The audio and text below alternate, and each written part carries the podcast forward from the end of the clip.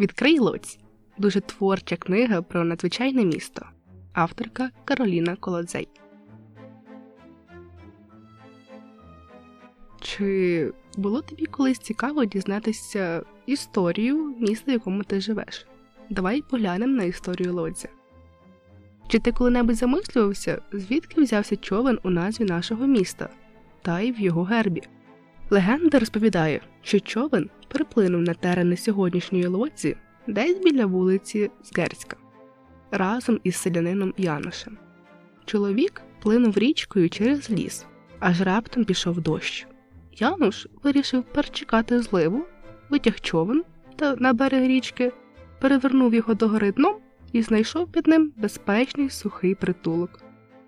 Коли дощ припинився, виявилось, що місцевість тут гарна, і селянин вирішив залишитись.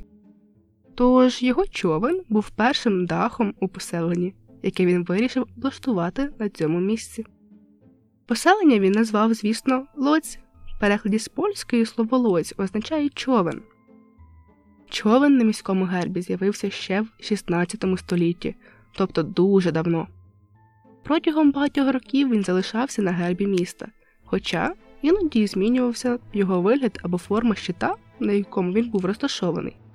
Близько ста років тому була зроблена спроба придумати інший герб для нашого міста.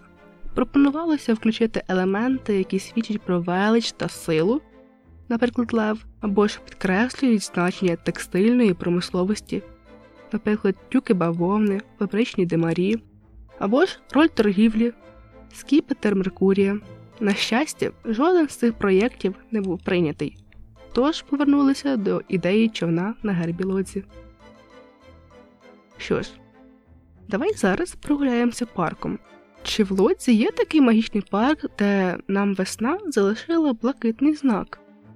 Чи ти знаєш, що лодська весна має блакитний колір?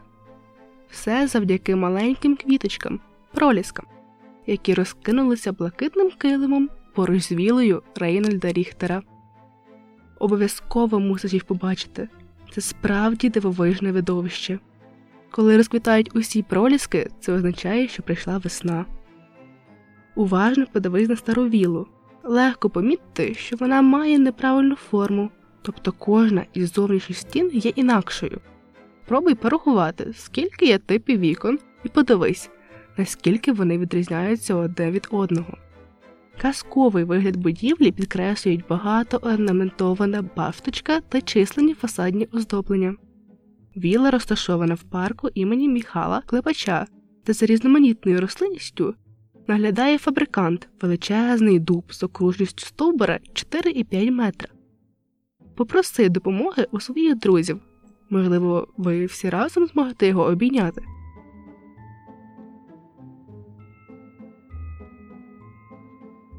Книгу читала Мелішкевич Тамара.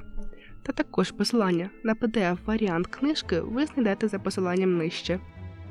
В книжці ви зможете знайти чудові роздруківки та ігри для дітей, які допоможуть їм дізнатися місто краще.